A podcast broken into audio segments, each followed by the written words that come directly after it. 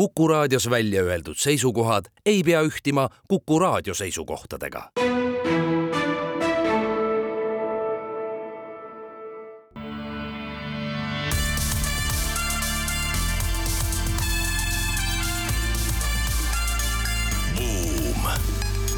buumile annab hoogu SEB Pank tere päevast, on kolmeteistkümnes september aasta kaks tuhat kakskümmend kolm, rahvusvaheline kiilakate päev. oleme taas Ott Pärnaga koos eetris Buumi saatega. uudisteploki avame aruteluga sellest, et suured tehnoloogiaettevõtted püüavad kasvavast mängutööstuse turust üha enam osa saada edasi anname samal teemal teada, et noorte seas ülipopulaarne mängukeskkond Roblox, mis muuhulgas kasutab sisu loomiseks nii tehisaru kui mängijaid endid, on nüüd kättesaadav ka Sony Playstationilt räägime sellest, kuidas targalt kärpides kasumit kasvatada. arutleme sellegi üle, miks Euroopa ja Aasia töötajad tulevad meeleldi kontorisse tagasi, kuid ameeriklased mitte. meie tänaseks saatekülaliseks on äh, Ready Player Me nimelise ettevõtte kaasasutaja asutaja Haver Järveoja ning see ettevõte kaasas umbes aasta tagasi maailma suurimalt investeerimisfondilt viiskümmend kuus miljonit dollarit. räägime Haveriga mängutööstuse arengutest ning ta aitab meil ka uudiseid kommenteerida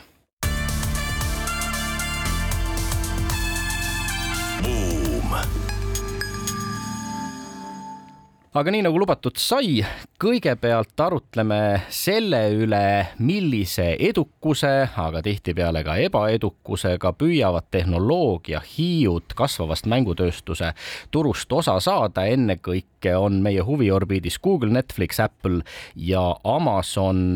hiljuti hiljuti äh, üleilmsel äh, mängutöösturite kohtumisel äh, Seattle'is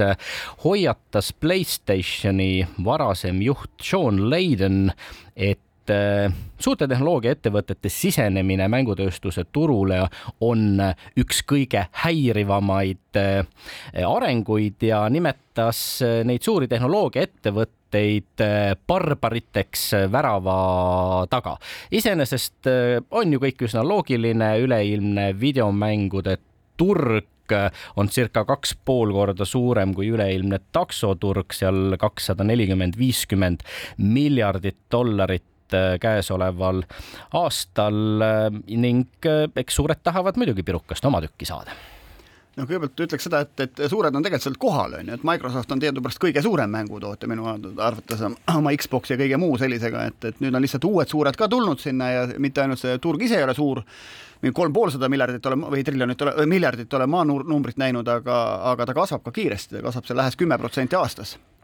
ja absoluutselt nagu rääkides siis mängundusest ja siis ähm, erinevatest nii-öelda ettevõtetest, kes on selles sektoris, olgu siis need siis gigandid nagu Meta ja, ja Google ja nii edasi ja siis ka nagu Epic Games ja, ja siis nii-öelda suured mängutootjad, olgu siis Microsoft. üldisem suurem trend on see, et et äh, nii-öelda sotsiaalmeediaettevõtted üritavad muutuda nii-öelda mängundusettevõteteks ja samas vastupidi, mängundusettevõtted üritavad nagu nii-öelda sotsiaalmeediaks muutuda, on ju, et noh, nagu me näeme siin mängudes nagu Roblox ja Fortnite seda, et äh, noh, seal lisaks mängu kogemusele on lisaks veel on ju igasugused ähm,, sul on võimalik seda sõpradega rääkida, suhelda, on ju, ja väga palju noori inimesi veedabki oma aega seal rohkem kui siis traditsioonilistes sotsiaalmeedia nii-öelda platvormidel.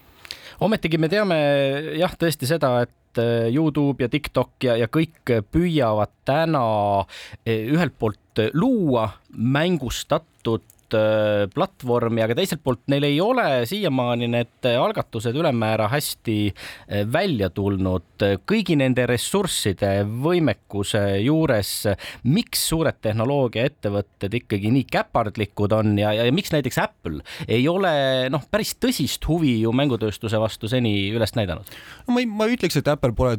tõsist huvi välja näidanud, sellepärast et noh, Apple'i siis App Store'i nii-öelda käibest kusagil vist nelikümmend protsenti või rohkem moodustavad tegelikult mängud onju, et väga suur osa Apple'i käibest on, tuleb mängudest, onju.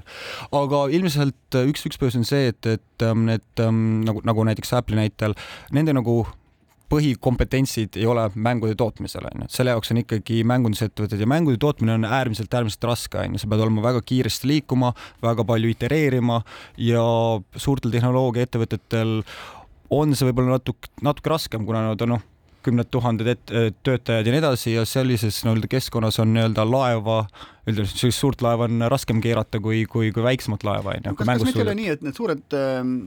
noh, ettevõtted, kellest me rääkisime, need on põhimõtteliselt nad on ikkagi infraettevõtted ennekõike ja see kreatiivne pool, mis puudutab nagu mängutööstust, see on natuke nagu Hollywood ja filmitööstus on ju, see on nagu loovmajandus, on midagi muud hoopis. Yeah.. et mi-, milline see äge mäng on, mis läheb viraliks, on ju, ja, ja siis need Microsoftid, kõik need pakuvad teile kanaleid, mida pidi see nagu kundeni viia või see App Store'i kaudu saad teda osta või sisuliselt jaa, nad on nii-öelda, müüvad siis labidaid kullapalaviku ajal, on ju, nad on see infra seal taga, infra, infrastruktuur seal taga, et nad on nagu, nad on alustanud sellena, nad on väga edukad selles olnud, aga nad näevad, et kuna nemad, nende käive on väga palju sõltuvuses mängundusest, siis nad tahavad ka ise sinna minna. ainus erand oli vist Apple siis, kui Steve äh, Jobs seda juhtis, siis nad mm. investeerisid Pixarisse ja, ja, ja, ja siis nad tõesti läksid loovtööstusega, see oli pigem seetõttu mitte, et Apple oli loov, vaid, vaid, vaid Steve oli loov ja tahtis Täpselt. minna sinna no kõige suurema osa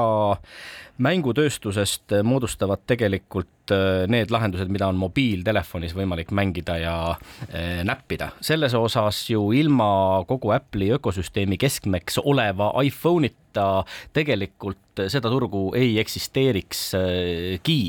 kas, kas need suured tehnoloogiaettevõtted kuidagi kasutavad ka oma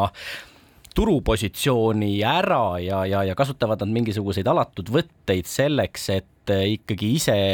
ökosüsteemi ja, ja sisuloome üle kontrolli hoida? no sellest on hea näide, kas oli vist äkki kaks-kolm aastat tagasi, kui siis Epic Games, äh, see on siis äh, mänguarendaja, kes äh, Fortnite, Fortnite'i nii-öelda looja on, ta ju läks väga avalikult Apple'i vastu välja, astus välja, et see ei ole okei okay,, et te võtate siin kolmkümmend protsenti vahelt, onju, ja siis nad tegid enda nii-öelda, nii-öelda maksemeetodi või noh, sellest on võimalik ümber minna lõppkasutajatel, mis lõppkasutajate jaoks oli nii-öelda tegi kolmkümmend protsenti siis, siis mängus ostetavad asjad odavamaks, onju. Apple'ile loomulikult see väga ei meeldinud ja nad ju siiamaani minu teada on äh, kohtuvaidlustes USA-s, onju. et seal on muidugi huvitavaid pretsedente tekkimas nüüd ja vist seal Apple'it nagu nõutakse USA-s, et nad teeksid seda mm, App Store'i natuke nii-öelda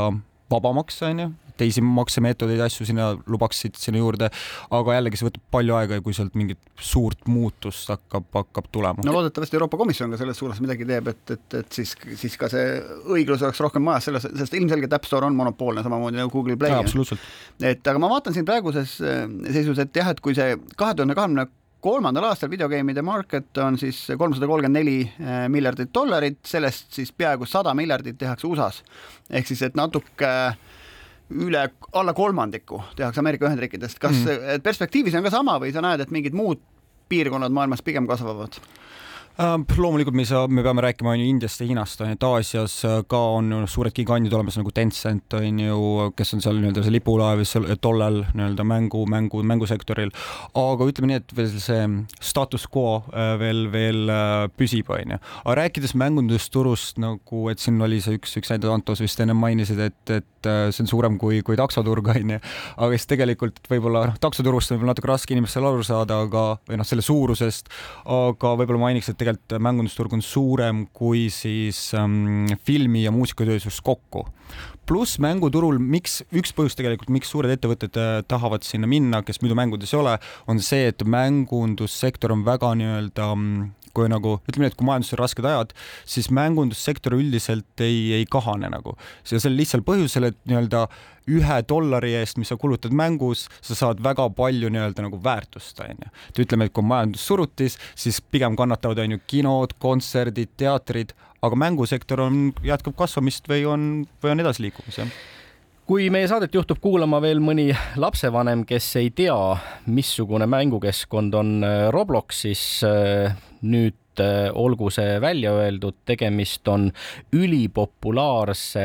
mängude kohaga, kus üle kahe kolmandiku kasutajatest on alla kuueteistaastased. Robloxil on äh, igakuiselt sada kuuskümmend miljonit aktiivset äh, kasutajat ehk siis enam kui iga teine Ameerika laps, kes on alla kuueteistaastane, on Robloxi keskkonnas toimetanud.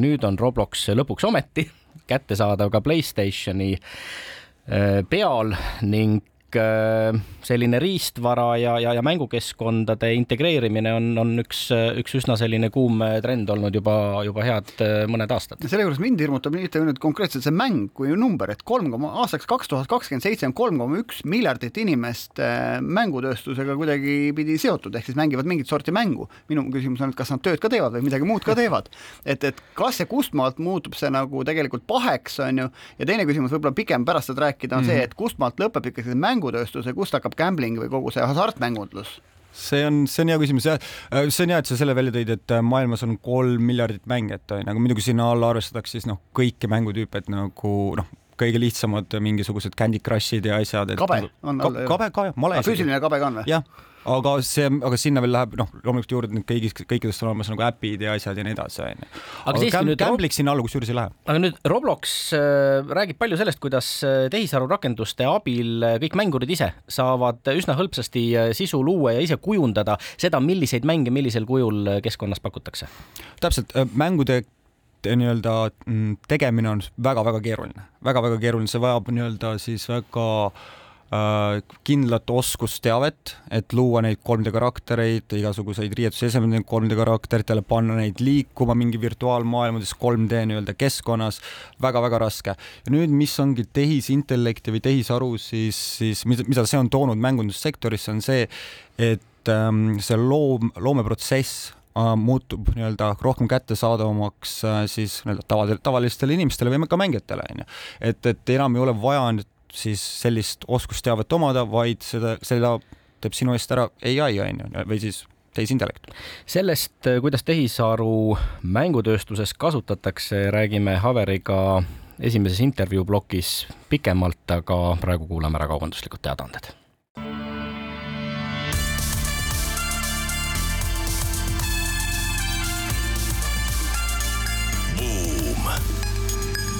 buumile annab hoogu SEB Pank oleme tagasi Buumi eetris, saatejuhid Ott Pärna ja Anto Liivat ning meie tänaseks saatekülaliseks äh, mängutööstusettevõtte Ready Player Me kaasasutaja Haver Järveoja.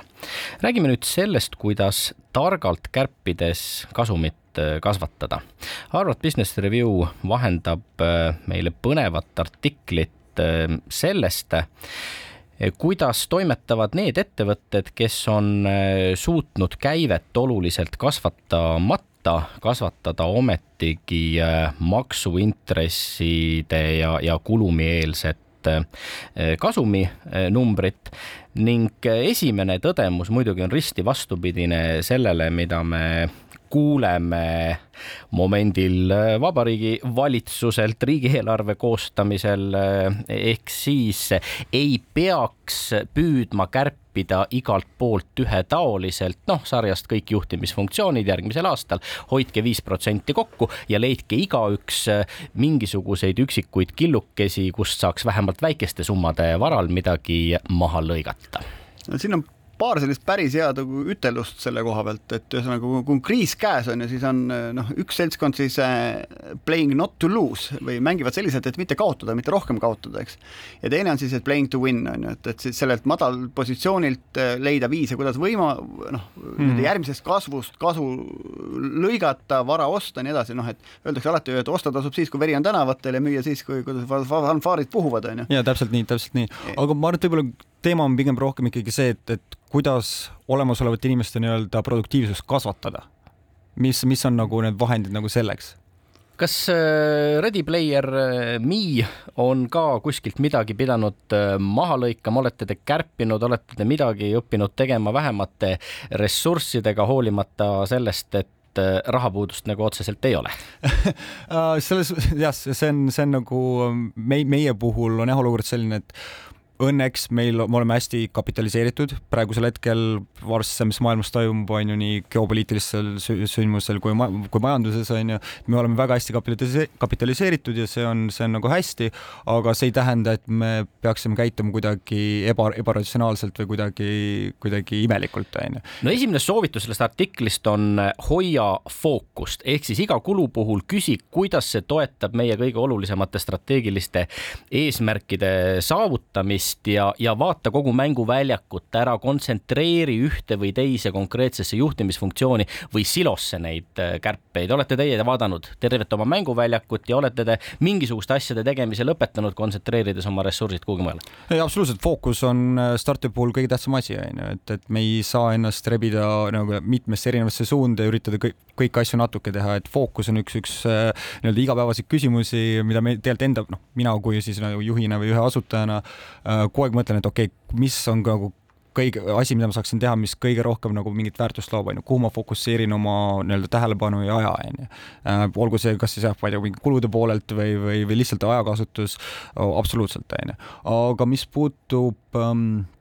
mis puutub ähm, üldiselt, ma ei tea, kulude kokkutõmbamisse, midagi sellist, on ju, siis jällegi ma ikka tahaks öelda, et, et olulisem, mina, minu arvates isiklikult on, on olulisem siis produktiivsuse suurendamine, mitte nii väga võib-olla kulude kokkutõmbamine. jah, kulud, kulusid peab vaatama, aga ikkagi, kuidas me saame nagu olemasolevatest näiteks inimressurssidest võimalikult palju välja pigistada selles mõttes on ju, me ei mõtle mingisuguseid imelikke nii-öelda tööpraktikaid, vaid pigem näiteks see, et, et jällegi me peame rääkima, on ju, tehisintellektist on ju. me oleme näinud näiteks enda tiimi puhul, et, et meie näiteks programmeerijate, arendajate produktiivsus on tõusnud tänu erinevate, ma ei tea, chat-GPT, Copilotid ja nii edasi tõttu kusagil kakskümmend kuni kolmkümmend protsenti ütleme jah, selline tuima, tuimalt kärpimine on äärmiselt nagu rumal tegevus, see, et sa nagu üle mõistuse ei kuluta, see on selge, et aga noh, ma mõtlen seda, et noh, need antud juhul majanduskriisi, ma vaatan asfalditehased panevad ennast kinni, on ju. noh, kui sa praegult nagu asfaldit ei pane, millal sa siis veel paned, on ju, kui sul, kui sul tehased on juba kinni panemise äärel, mis tähendab, et hind on suht nagu all, on ju. Mhm. et, et ja sa näed, noh vaata Singapuri riik on ju, et niipea kui majandus hakkab kukkuma, hakkavad riigi investeerimisfondid investeerima selleks, et nagu tegelikult nagu hõivet ja kõike üleval hoida, jah, inflatsiooni teema on teine, on ju, aga ütleme, euroinflatsioon on pigem ikkagi Euroopa Keskpanga, Euroopa suurte riikide küsimus, et palju me siin Eestis suudame teda mõjutada, eks. aga see, et kui me jätame oma olulised investeerimisotsused täna tegemata ja kahe aasta pärast või kolme pärast teeme neid poole kallimalt, on nagu on täpselt see, see klassikaline, et teoorias see kõlab väga hästi, et me peaksime käituma ainult kontratsükliliselt. aga samas vaadates nagu Eesti võib-olla riiki, see ei, tavaliselt ei tule nii välja. jaa, aga vaata lennundusfirmad, ägedad lennundusfirmad on ju, kriisi ajal tegelikult broneerisid ja ostsid lennukeid, ostsid lisaks veel optsioone, et, et realiseerida ja, ja need, kes põhjast ostsid lennukeid, nad said superodava hinnaga kätte need ja, ja, ja pluss siis optsioonid sinna otsa, eks, ja olid võidumehed siis, kui turg hakkas kasvama. üks soovitus, mida Harvard Business Review artikkel veel annab, on lihtsusta. ehk lihtne on kärpida noh, näiteks digiturunduse eelarvet, lihtne on kärpida koolituse eelarvet, aga oluliselt keerulisem on vaadata üle oma juhtimis- ja otsustusprotsessid ning äh, püüda tõhusamalt, kiiremini, väiksema bürokraatiaga toimetada täpselt, seda on tõesti, mis ma muud oskan ka öelda, et tõesti, see on, see on keeruline, on ju, jällegi juhi ja ühe, ühe asutajana äh, ütleme nii, et minu päevast enamus aega võib-olla sinna lähebki mõelda, et mis on see kuidas ma saaksin äh, oma aega kõige paremini rakendada, kuidas ma saaksin enda tiimi nii-öelda kõige produktiivsemaks teha, mida, mida saaksin mina enda poolt selle jaoks teha, onju. kas on mingisugust protsessi lihtsustada, kas see on mingisugust uus mingisugune tööriist võtta kasutusele. midagi sisse osta äkki. midagi kas või sisse osta, täpselt. kõik, mis ei ole ettevõtte nii-öelda fookuses, mis ei ole vajalik, seda on võimalik ju väljast äh, sisse osta, mida me ka ise tegelikult kasutame ja just hiljuti oleme väga suures mahus hakanud kasutama mehed, te viisite korra jutu riigi poole, et olles riiki nagu seestpoolt ka näinud, siis ütleme, mida suurem on see majanduse üles-alla kõikumine, seda halvemaks minu arvates riigieelarve kvaliteet läheb. sellepärast, et kui majandusel läheb hästi, siis on kõik annavad populistlikke lubadusi. nii, ja kui nüüd läheb halvasti, ega neid populistlikke lubadusi enam tagasi ei võeta, kärbitakse sealt, kus on vait, on ju. inimestel on õigustatud ootus ehk siis üle nende tsüklite tegelikult eelarve kvaliteet nagu halveneb, ehk siis mingisugused püsikulusid, mis on lubatud kellelegi, pensionitõusud, igasugused muud toetused, neid ei kärbi keegi tagasi ja võetakse sealt, kus veel noh, midagi on võimalik võtta ja siis noh, tulemus pigem nagu läheb halvemaks. McKinsey Global Institute äh, hoiatab, et äh, kõik need arengud, mis on äh, kodus ja, või kontoris töötamise puhul pärast Covid pandeemiat aset leidnud, viivad varem või hiljem selleni, et maailma suurlinnades äh, kinnisvara väärtus, just ärikinnisvara väärtuse võiks kukkuda aastaks kaks tuhat kolmkümmend ühe koma kolme triljoni dollari äh, jagu, seda siis mustema stsenaariumi korral. asi nimelt selles, et inimesed järjest vähem ikkagi tahavad ja on valmis kontorisse minema, aga see on maailmas regiooniti veidi erinev ja kusjuures me ei räägi ainult kontorist, me räägime ka tegelikult kaubanduspindadest, kus näiteks USA, Ameerika Ühendriikide näitel McKinsey siin kaks tuhat kakskümmend kaks uuring jaekaubanduse töötajate lahkumine töökohalt on seitsekümmend protsenti kõrgem kui kõikides teistes USA, Ameerika Ühendriikide siis tööstusharudes, inimesed ei taha seda rutiinset tööd liiga madala palga eest, tihti tüütut tööd teha ja lahkuvad ja teistpidi ka kliendid ei lähe sinna päris poodi enam, ehk siis poodide käibed kukuvad mm., nüüd küsimus, kuidas kasumlikkust selles olukorras säilitada ja mis üldse nendest suurtest tondilossidest saab. aga siiski, Euroopas ja Aasias inimesed pigem tulevad kontorisse, Aasias äh, töötatakse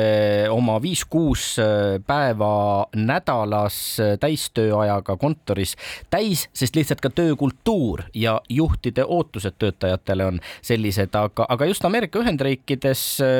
noh, millega ka teie teie tuttavad olete mm., kus ka teie omale töötajaid olete värvanud, äh, ei taha inimesed kõigele vaatamata, sellele vaatamata, et suured ettevõtted neid hirmutavad ja hoiatavad kontorisse tagasi tulla? absoluutselt, inimesed nii-öelda hääletavad jalgadega, onju. et, et kui mul on äh, tööandja, kes, kes nõuab, et ma olen viis päeva nädalas kontoris versus tööandja, kus ma saan sama tööd teha, aga nõuab näiteks, et ainult kaks või kolm päeva, siis, siis loomulikult see on ju, see on ju mugavam. sina ei sunni kedagi kontorisse tulema? absoluutselt, see on inimeste enda vastutus, et me ei tegele lasteaiaga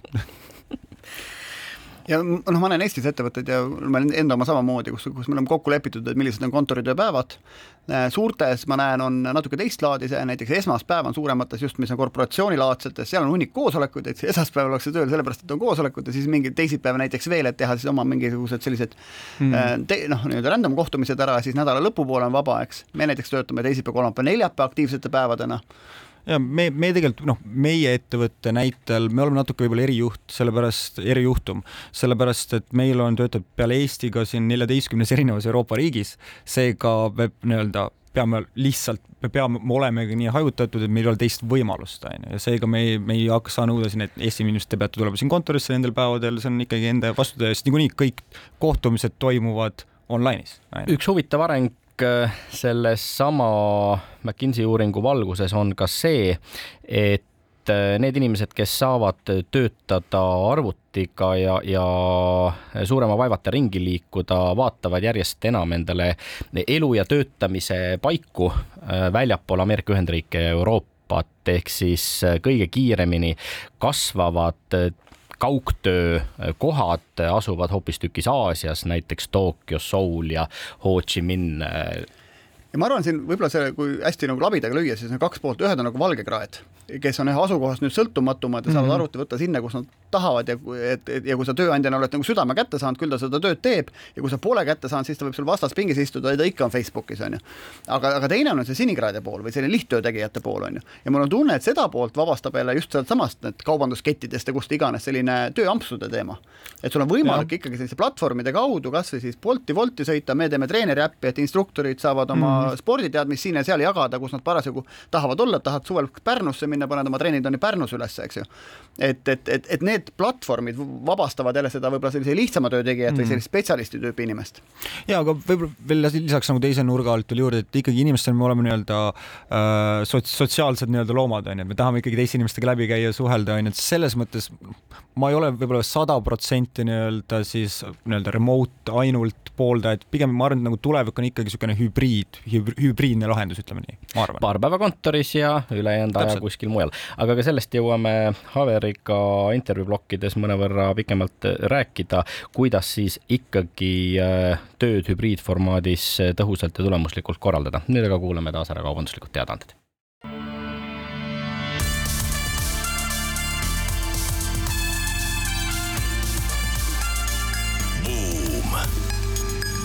buumile annab hoogu SEB Pank oleme tagasi Buumi eetris, saatejuhid Ott Pärna ja Anto Liivat ning meie tänaseks saatekülaliseks on äh, mängutööstusettevõtte Ready Player Me kaasasutaja Haver Järveoja.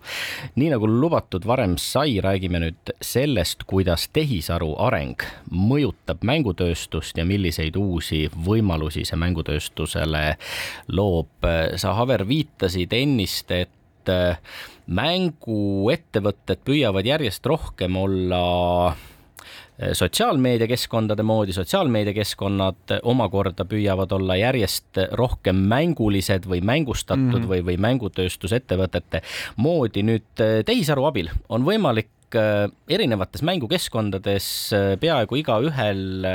suhteliselt jõukohase ponnistusega luua ise sisu. kui oluline muutus see mängutööstuse jaoks on? võib-olla ma alustaks natuke kaugemalt just selle küsimuse lõpuga, et kui oluline see on, sest et ma väidaks, et ähm, nii-öelda tehisaru on mängunduses olnud väga-väga pikka aega Äh, ja näiteks, ähm, kas see oli just üheksakümnendatel, kui Garri Kasparov mängis male, siis kas see oli IBM-i mingisugune Deep Blue. Äh, jaa, Deep Blue vastu onju, et noh, kui öelda, et male on mäng, on ju, ja, ja, ja ta mängis seda nii-öelda nagu arvuti või siis tehis, tehisaru vastu, on ju, siis ma ütleks, et mängundus on selline nii-öelda sektor, kus, mis on nagu läbi aja olnud koht, kus ai on mingisuguseid nii-öelda edasiminekuid teinud, on ju. nüüd me lihtsalt võib-olla oleme jõudnud selle arengus sinnamaale, kus ai on nagu rohkem, sellel nagu rohkem aplikatsioone kui lihtsalt on ju mängida, mängida male kellegi vastu, päris inimese vastu, et ja need ühed aplikatsioonid on loomulikult lihtsalt, et mängude tegemine muutub väga palju, väga palju kergemaks ja palju kättesaadavamaks äh, nii-öelda tavalistele inimestele või laiemale hulgale inimestele, on ju. et, et ai näo ai-ga on sul võimalik tänapäeval on ju luua siin on ju erinevaid avatare, on ju, riideesemeid neile avatarile, mängule nii-öelda siis, siis mis on see mängu süžee on ju, kuidas mäng välja näeb, et seal on nagu äh, võimalusi väga-väga palju, noh muidugi me oleme siin alles alguses, aga, aga me oleme sinnapoole liikumas, et see, see mängunduses saab äh, tehisintellekt olema väga-väga suur osa. kui inimene ise loob mõnele mängule mingisuguse täienduse ja teeb seda tehisaru abiga, kellele kuuluvad autoriõigused või, või, või kelle oma see tükk, disain, lahendus siis äh, lõpuks on või muutub see automaatselt mingisuguseks äh, ühisvaraks? no ja see on miljoni dollari küsimus on ju, et, et siin on loomulikult see teema, et, et ähm, et igasugune siis, siis autoriõiguste, autoriõiguste siis, siis regulatsioon noh, nagu ikka regulatsioon, ta käib innovatsioonile järgi, on ju, viitajaga jõuab, on ju, et ja praegult, kui me oleme siin, siin nii-öelda sellel äh, tehisintellekti haibi nii-öelda võib-olla siis vist tipus on ju, siis on raske öelda, et mis siin peaks kohalduma ja kuidas, kuidas siin nagu toimub. aga ma arvan, et hea näide on tuua võib-olla muusika, muusikasektorist on ju, et siin vanasti ju kahe tuhandete alguses oli, oli suur probleem on ju siis äh, CD-de toot-, tootjatel näiteks on ju, kui hakkas muusika nii-öelda internetti minema ja nii edasi on ju, aga nüüd lõpuks me oleme jõudnud Spotify juurde ja siin erinevad äh, nii-öelda voogedastus, voogedastus siis, siis um, teenuste juurde, mis on nagu lahendanud selle probleemi, et kuidas me litsenseerime mingisugust artistlikku nii-öelda sisu ja teeme selle inimestele nagu kättesaadavaks, on ju, et ma arvan, et ähm, siis sellisel näitel, et, et kui keegi loob mingisugust sisu, kasutades ai-d, on ju, kellele kuulub see nii-öelda see autoriõigus seal, ma arvan, me peaksime otsima nagu inspiratsiooni, mida, mis on nagu muusika, muusikasektoris juhtunud äh, siin viimase kümne-viieteist aasta jooksul jah, tõsi ta on, et see Deep Blue on tegelikult kaheksakümne viiendal aastal Carnegie Melloni ülikoolis hakati teda arendama, IBM-i toel siis jätkati ja siis kahe, üheksakümne seitsmendal aastal oli see kuuemänguline matš, kus siis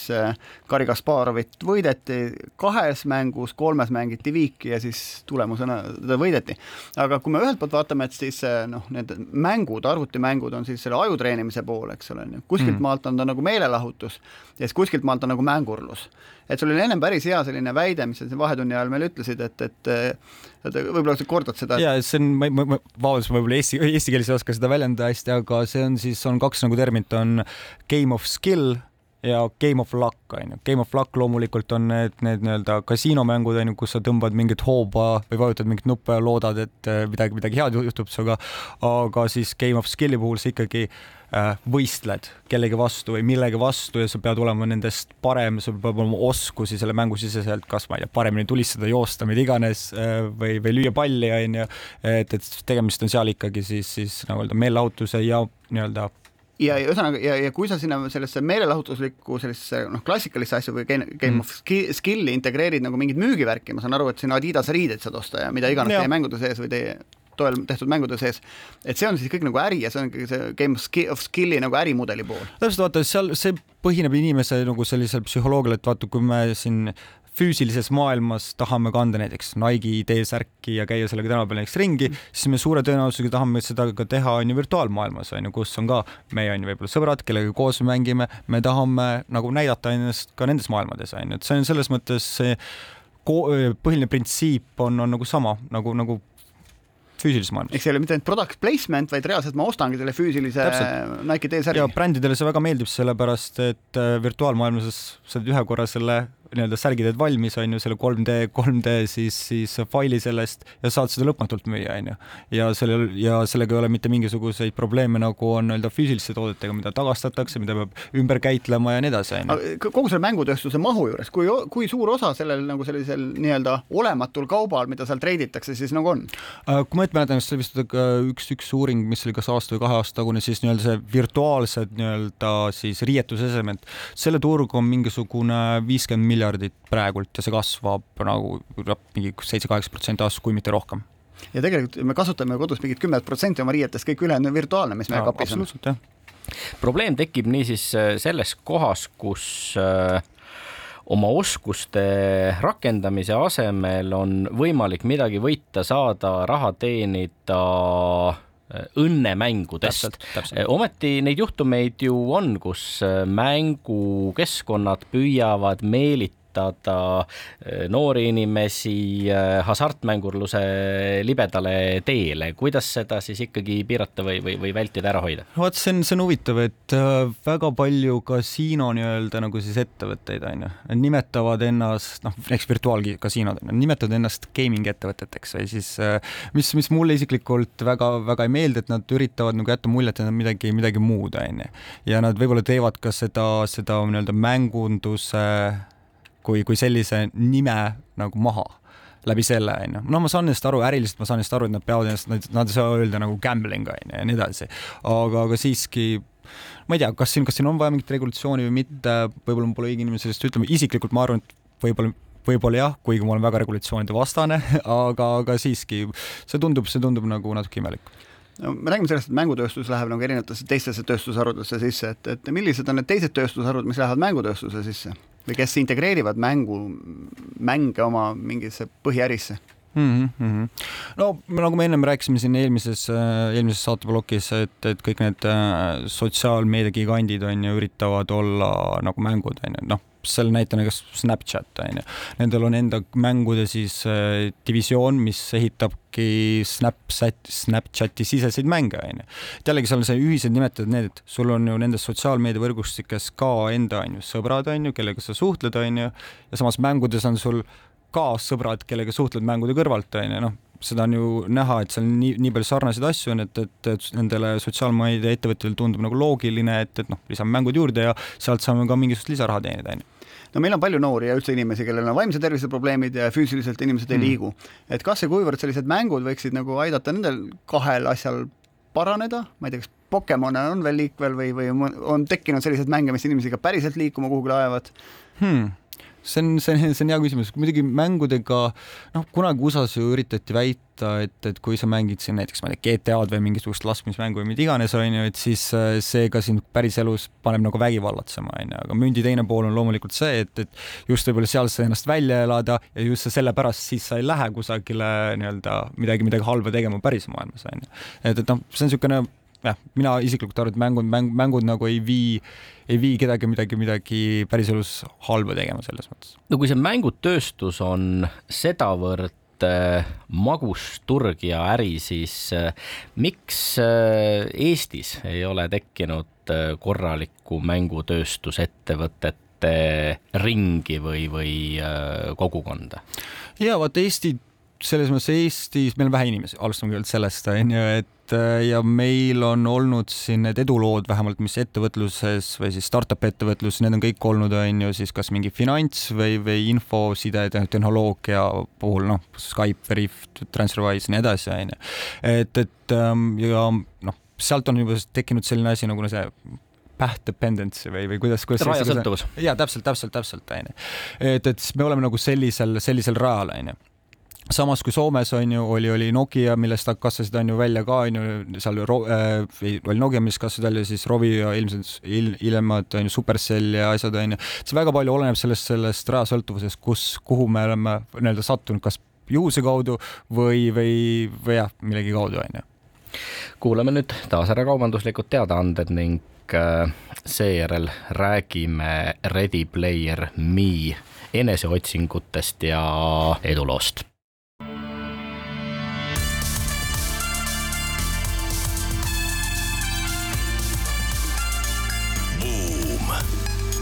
buumile annab hoogu SEB Pank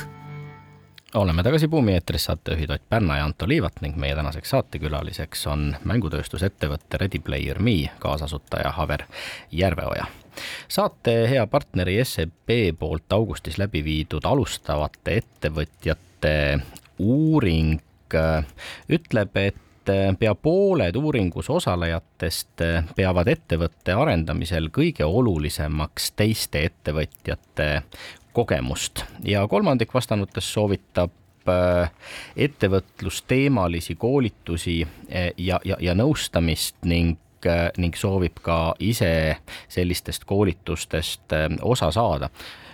SEB ärikliendi segmendijuht Maarja-Maria Aljas on öelnud, et rahaline tugi paistab seega Äh, olevat küll oluline, aga, aga mitte kõige olulisem ja just sellistel keerulistel aegadel on enesekindluse saavutamiseks oluline juba kogenud ettevõtjatega arupidamine. Äh, kuidas, äh, Haver, teil oli, kas keegi kogenum aitas, toetas, pani õla alla? ei, absoluutselt, ma, ma saan sellest täiesti aru, mis nendest uuringu tulemustest, et kui vaadates meie seda nii-öelda ligi kümneaastast ettevõtte ajalugu, siis kogu aeg on ikkagi olnud mingisugused figuurid, kes on nii-öelda meie mentorid olnud, onju, et noh, päris alustamisaegadel oli see, kuna me kolm, kolm meie nii-öelda kaasasutajat, me tuleme EBS-is, kohtusime EBS-is, alustasime, alustasime seda ettevõtet, siis kohe alguseks me olime noh, meil väga vedas muidugi loomulikult ja, ja et Madis Abakukk võttis meid siis oma tiiva alla ja, ja hiljem on ju äh, Mart Abakukk on ju, nemad olid esimestel aastatel ikka, ikka väga abiks äh,. Nad just panid meisse võib-olla selle õige nii-öelda noh, kuidas ette nagu mõelda, on ju, ja, ja panid võib-olla meid ka nagu unistama, et mis on, mis on nagu võimalik, on ju, et mis, mis meie ambitsioon peaks olema, on ju. Äh, ja lisaks äh, noh, järgnevatel aastatel seal, kui me näiteks äh, see Startup Wisecaisi siis nii-öelda inkubaatoris olime, seal juba just tulid juba nagu rahvusvahelised mentorid ja kes viisid meid juba järgmisele tasemele ja nii edasi, et Te alustasite aastal kaks tuhat neliteist ja Andresen Horovitši maailma kõige suurema riskikapitali fondi rahapada, viiskümmend kuus miljonit dollarit, saabus teieni alles äh, eelmisel aastal, eelmise aasta suvel, suvel, sügisel. Kuidas te kogu selle aja siis ikkagi vastu pidasite, millest te elasite ja, ja hingasite ja, ja mis aitas teil endasse uskuda läbi kõigi nende eksirännakute? Habakuke kujude printimisest veel sündimata laste printimise ja siis lõpuks, ja, ja siis lõpuks avatarideni ja no see on, see on üldine noh, ettevõtjana sul peab olema see, see sihikindlus on ju ja sa ja see usk, et äh, edasi rühkides midagi head lõpuks, lõpuks juhtub, onju. noh, see on niisugune üldine, üldine tõdemus ilmselt, et nagu raske tee lõpuks viib, viib sihile, onju. raske töö viib sihile. Äh, lihtsalt enamus inimesed võib-olla ei, ei ei viitsi või ei taha nii palju panustada, et näha seda, näha seda tulemust, onju. aga läbi, läbi aastate äh, ja on loomulikult olnud väga-väga keerulisi hetki, onju, aga ma arvan, ma ei mäleta, mis, mis uudistes kunagi nagu keegi ütles meie kohta, kas äkki isegi Postimehes oli midagi sellist, et, et meie ettevõte on kui, kui nagu prussakad, mis peale, peale, peale onju tuumaplahvatust on ka elus onju, et see oli nagu siukene noh, no ta, tagasivaates siukene naljakas võrdlus, aga ka mingil määral ka tõsi onju, et tõesti on, on olnud keer-, keerulisi hetki, mis on nagu pannud proovile selle, selle meelekindluse ja siikindluse aga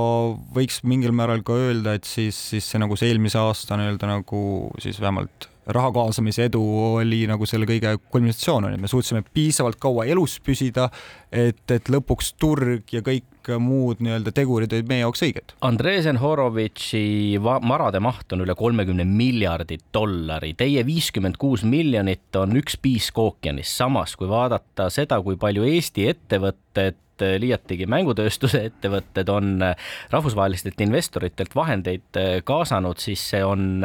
üüratu summa, mille vastu, missuguste lubaduste eest te selle suure rahapaja osaliseks saite? no lubadused, selles mõttes, et noh, loomulikult äh, töö tegelikult algas selle investeerimisringiga, on ju, töö, töö algas sellega, on ju. et, et äh, alati peab ikkagi teadvustama, et kui keegi sinusse investeerib, see on nii-öelda siis, siis nende nii-öelda panus, et sa tulevikus oled edukaks, on ju. nüüd on meie töö see, et olla tulevikus edukas, on ju ehm, täpselt nii ongi, et seal mingisuguseid konkreetseid lubadusi selles mõttes no peotäis noori poisse kuskilt äh, Eestist mm -hmm. ja, ja lihtsalt äh, niisama seda rahapada ju ei äh, antud teile. Ähm, te teete avatare, millega saab ringi käia erinevates mängukeskkondades. kas teistel siis ei ole neid lahendusi või, või kas neid avatare mõnel suurel tehnoloogiaettevõttel ei oleks suhteliselt väikse vaevaga kõigi nende ressursside juures, mis neil on võimalik ise teha? ei, absoluutselt, meie konkurendid ongi mm, suured tehnoloogiaettevõtted nagu on ju Meta ja siis ka Snapchat, mida ma ennem mainisin, on ju, ka mingil määral isegi Roblox võiks, võiks nii öelda, neil enda avatarid, aga need on ainult kinni nende enda siis, siis ökosüsteemides on ju. ja seal, kus me erineme, ongi see, et me ei arva, et on õige sundida arendajaid ehk siis mänguarendajaid mingitesse raamidesse on ju ja piirata nende kreatiivsust. me pigem oleme võtnud sellise nii-öelda vabama suhtumise või niisuguse kolmanda neutraal, neutraalse osapoole äh, lähenemise, me võime töötada kõigiga, me ei sunni teid, aga me lihtsalt nii-öelda sunnime teid läbi seie, läbi selle, et me lihtsalt üritame teile parimat võimalikku avatarsüsteemi anda, milles ka teie mängu edukaks teeks no teil on see organisatsioon suhteliselt virtuaalne üle erinevate kultuuride, ma ei tea, kellaaegade ja nii edasi mm. -hmm. et eh, kuidas te seda ära juhite et...? no me tegime selle teadliku otsuse, et loomulikult, kui siis Covid juhtus, on ju, siin kaks tuhat kakskümmend, on ju, siis um, me tegime teadliku otsuse, et uh, me läheme siis täiesti nii-öelda virtuaalseks, on ju. sellepärast noh, üks põhjus on muidugi see, et nagu enne mainisime, et siin Eestis ei ole mängundussektorit ja kui me tahame enda tiimi inimesi mängundussektoris, siis peab peame neid vaatama juba väljaspoolt, on ju. see juba tähendas, et me pidime hakkama vaatama riikidesse nagu Saksamaa või Soome või, või Hispaania, on ju. ja ma ütleks, et kuidagi isegi valutult on nagu läinud see, et, et see, ma oleks oodanud, kindlasti on raskeid hetki olnud, kuidas sa paned tööle tiimi, on erinevates ajatsoonides on erinevad kultuurid,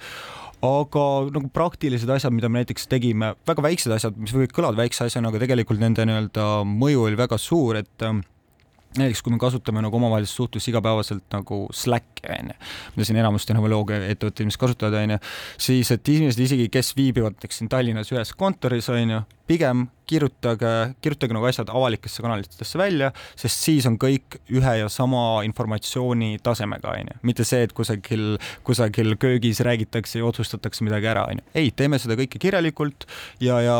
mis ongi oluline, mida meie, meie CTO äh, siis, siis Rainer, Rainer väga nagu hindab, on see, et, et me kõik oleksime väga, et me kõik oskaksime väga hästi kirjutada ja oma mõtteid nii-öelda väljendada äh, jah, kirjalikult, on ju. ja see ongi, ma arvan, üks, üks, üks väga tähtsaid asju sellise nii-öelda äh, virtuaalorganisatsiooni ehitamise juures Teil on palju insenere ja palju siis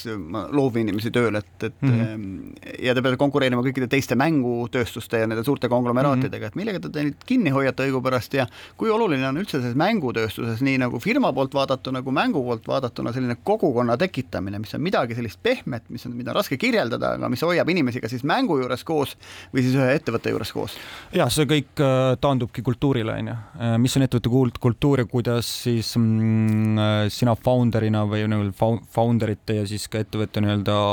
nii-öelda juhid on ju, kuidas me suudame seda kultuuri hoida ja seda, seda ka kasvatada, on ju. et see väga palju loomulikult oleneb, on ju, värbamisprotsessidest, on ju, mida, mida me, milliseid inimesi me endale otsime, on ju, aga mis puudutab, mis puudutab siis noh, loomulikult inimestel peab olema tahe midagi suurt teha, sest meie nagu nii-öelda pakkumine neile ongi see, et, et, et meie astume vastu äh, siis, siis nendele metadele ja, ja Snapchatidele ja nii edasi. me arvame, et nii ei ole õige asja teha ja meie arvame, et teistmoodi saab paremini, on ju. Et, et me ikkagi, need inimesed peavad nagu samastuma sellega, on ju, ja kui me oleme õiged, siis, siis või kui meil on õigus sellises lähenemises, siis, siis nii-öelda pay-off on, on, võib väga suur olla. no valdav osa e, e, suurtest on kõik börsiettevõtted, et mis see teie tulevik on, et müüte mõnele suurele ennast maha või, või lähete ka börsile kunagi? no selles ambitsioon on kindlasti börsile minna, ambitsioon on seal, on ju, et, et iseasi, kas me sinna jõuame, see on juba teine küsimus, aga selles mõttes sihtima selle poole peab, on ju, et see lihtsalt näitab, mis on see skaala, kuhu me tahame jõuda Texase ülikooli teadlaste uuring seitsmesaja professionaali hulgas ütleb, et värbajad tegelikult ei armasta ettevõtjaid, varasemaid ettevõtjaid eh, hiljem eh, tööle võtta, sest eh, arvatakse, et nad ei jää töö võtjaks kuigi kauaks, nad võivad varastada ära ettevõtte intellektuaalomandi, et oma uus äri püsti panna ja nad ei äh, ole ülemäära kuulekad. oled sina üldse niimoodi mõelnud, et kui välja ei tule, kas keegi kunagi tööle ka võtab ei, ei ole ka ausalt öeldes mõelnud niimoodi, et noh, minu nii-öelda siis, siis kogu nii-öelda täiskasvanu elu on möödunud ainult selles ettevõttes, Ready Player Me's nii-öelda onju. aga minul on, mul on nagu natuke teine, teine arvamus selles osas, et um, on selline ütlus, äh, millega ma väga samastun, et um, kõige paremad töötajad on läbikukkunud ettevõtjad. sellepärast, äh, et nad teavad, kui, kui raske on ettevõtet ehitada, kui, kui raske on inimesi manageerida ja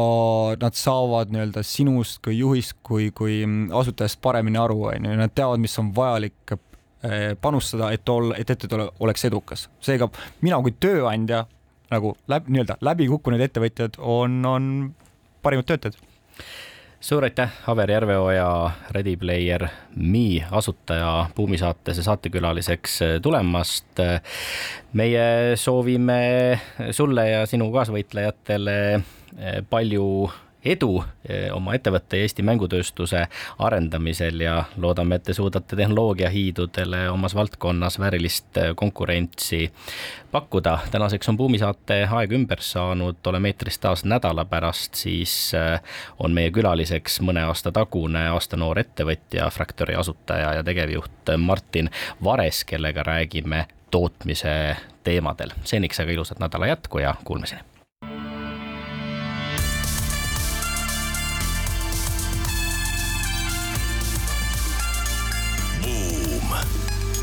buumile annab hoogu SEB Pank